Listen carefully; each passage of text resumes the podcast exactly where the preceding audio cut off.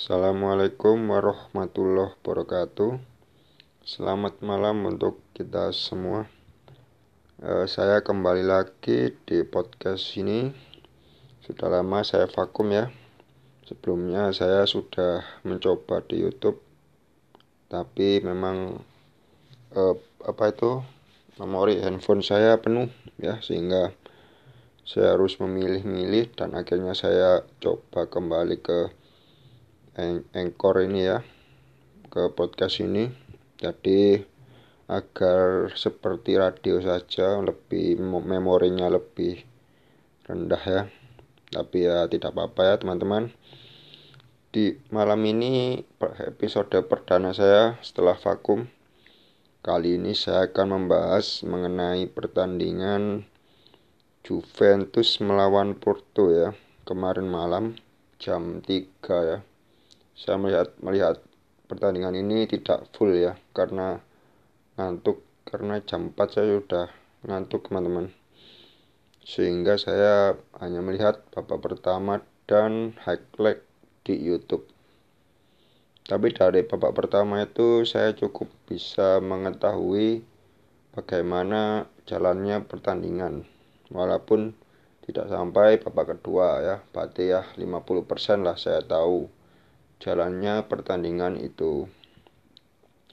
Dari Juventus sendiri pemainnya ya yang inti. Sesni kiper bek kanan Cuadrado bek tengahnya Bonucci dan Demiral. Ini saya agak bingung bingung kenapa Delik tidak dipasang ya. Di bek kiri ada Alexandro di tengah sayap kanan ada Kiesa ya Kiesa bermain baik ya karena mencetak 3 gol melawan Porto totalnya ya. Di mana tidak semua pemain Juve kecuali Kiesa tidak mencetak gol. Di Kiesa ini bagus ya bermain melawan Porto ini. Lalu di tengah ada duet Rabiot dan Arthur. Dan kembalinya Arthur ini memang membuat aliran serangan Juventus lebih sirkulasinya lebih merata ya. Dulu di leg pertama ketika Juve kalah dengan skor berapa itu? 2-1 ya di kandang Porto. Itu memang sirkulasinya agak itu ya mudah terbaca karena tengahnya ada Rabiot dan Bentancur sehingga karena kedua tipe gelandang itu memang sama ya sama-sama gelandang kedalaman. Sehingga butuh satu gelandang yang berbeda tipe ya. Biasanya sih satu gelandang angkut air seperti Rabiot dan satu gelandang yang berbeda. Dan malam itu di, maksudnya kemarin itu Arthur bermain ya dengan Rabiot ini lebih bagus daripada Rabiot Bentancur karena Arthur praktis berbeda tipe dengan Rabiot. Dan keadaan Arthur membuat alir aliran serangan Juve lebih bagus ya. Di sayap kiri ada Ramsey. Sebelumnya di leg pertama itu Winston McKennie ya di sayap sayap kiri. Cuma ya mirip-mirip sih cara mainnya ya. Sebagai pengganggu aja membuka ruang dan sama-sama jarang dapat bola keduanya. Mungkin sebagai decoy aja. Terus di striker ada Ronaldo dan Alvaro Morata ya. Dua striker itu ya gantung sih ya. Jadi benar-benar finisher keduanya. Lalu di Porto sendiri pemainnya sama ya 442 pemain Porto nggak ada yang terlalu terkenal ya kecuali PP backnya. Back tengah itu sempat main di Madrid lama ya. Itu se apa dengan Ronaldo juga itu yang juara Liga Champions itu ya. Masih ada PP juga. Pas dilatih Ancelotti dulu Liga Champions. Ya kalau anda ingat ada Ronaldo juga selain PP tidak banyak yang terkenal ya di Porto itu by the way kipernya Porto Marchesin namanya itu bermain bagus di mana melakukan banyak saves di laga ini. Lalu memang kita harus beralih ke sistem permainannya ya. Memang dari formasi sama-sama menggunakan formasi 4-4-2 ya keduanya. Sehingga karena formasi sama biasanya memang aliran bolanya lebih maintain ya. Dalam artian lebih mudah untuk dibaca alurnya ya. Jadi lebih textbook dan terbukti di babak, babak pertama. Yang saya lihat memang aliran bolanya cenderung tidak variatif teman-teman. Agak monoton gitu dari keduanya ya baik Juventus maupun Porto. Lalu dari Juventus memang lebih inisiatif untuk apa memegang bola dan juga sirkulasi bola Juve lebih baik ya karena kualitas pemainnya bagus ya.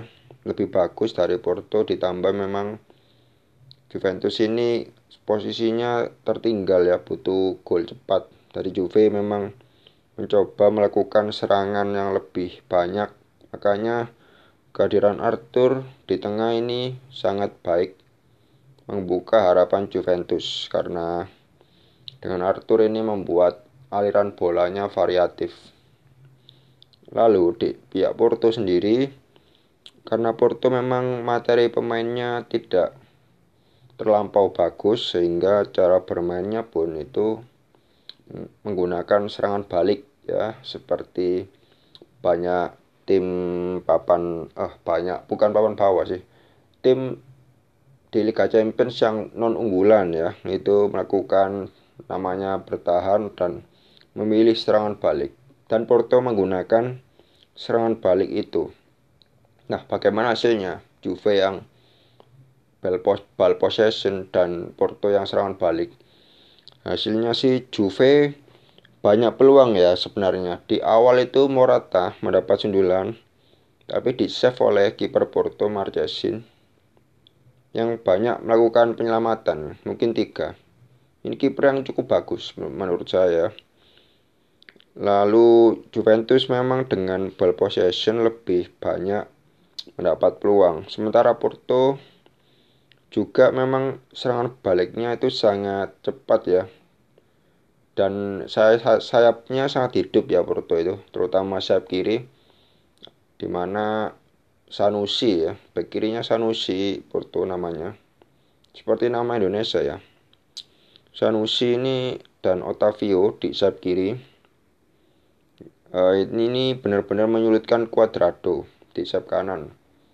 Di sini saya garis bawahi juga bahwa permainan Cuadrado di Juventus ini di malam itu yang kemarin eh, malam kemarin ya menjadi titik terlemah Juventus. Cuadrado banyak apa ya kehilangan bola sehingga ini yang membuat aliran serangan Juve itu cukup mandek ya di kanan itu hampir kurang ada serangan tapi di kiri banyak serangan karena di situ Ciesa ketika berpindah ke kiri dia hidup ya. Tapi ketika di kanan di mana segaris dengan Cuadrado ini tidak ada kesinambungan serangannya itu tidak saling terjaga ya.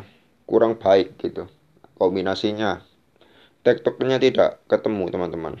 Dan ini Cuadrado juga passing-passingnya juga ngawur ya. Keputusannya itu terlalu cepat mengambil keputusan dan kadang juga terlalu lambat mengambil keputusan nah, ini yang harus di apa ya di antisipasi perlu ya Juventus butuh bek kanan menurut saya yang benar-benar stabil ya Quadrado menjadi titik lemah. Lalu kita coba bahas dari itu ya golnya. Gol Porto di pertama itu memang penalti ya. Apakah memang layak penalti? Ya, itu memang layak. Kenapa? Karena Demiral melanggar Taremi ya. Itu memang melanggar. Dan di e, penaltinya masuk ya Oliveira.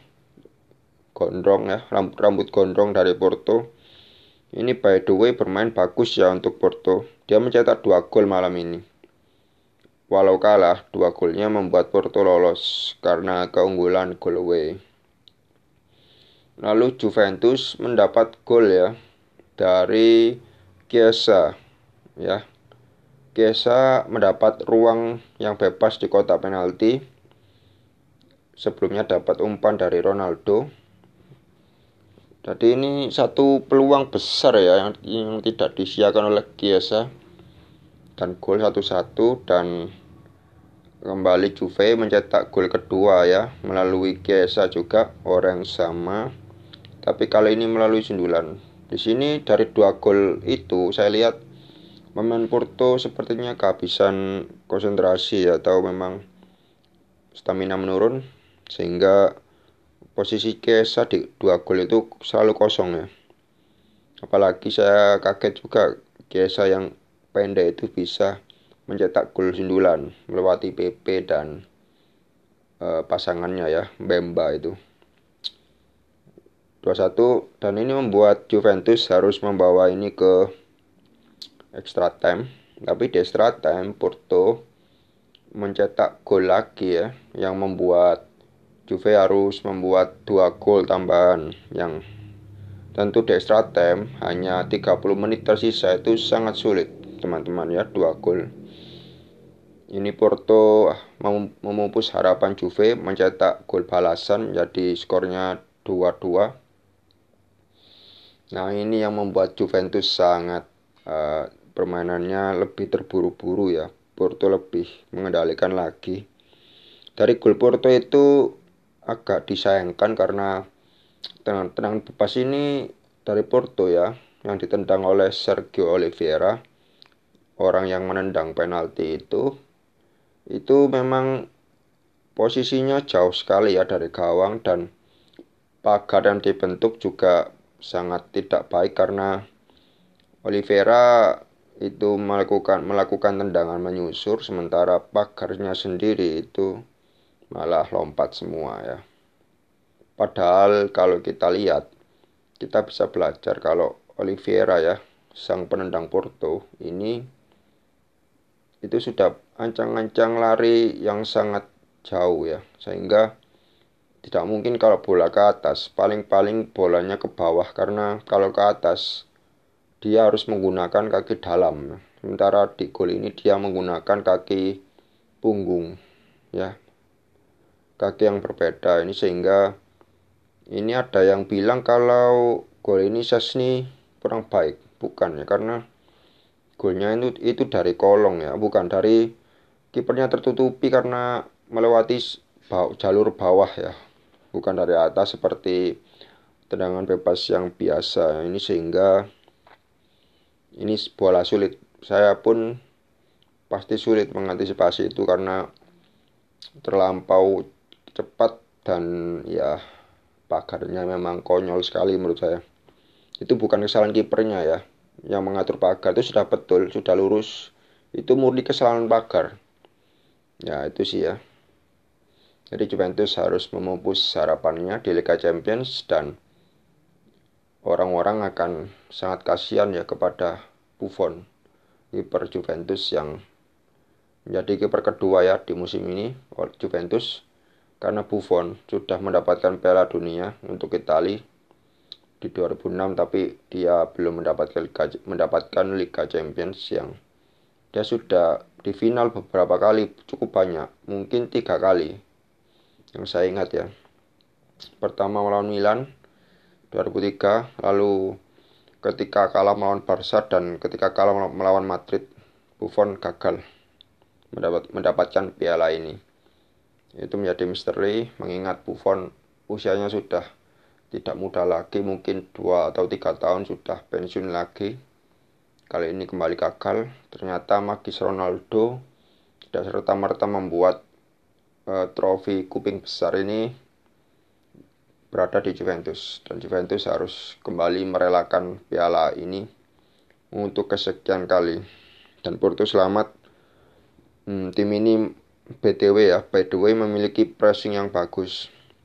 Dengan formasi 4-4-2 dua strikernya ini menekan dan empat gelandangnya ini secara stabil dan kontinu menekan gelandang Juve itu strategi yang baik mirip-mirip cara mainnya City juga ya Porto ini menekan secara 6 detik ya.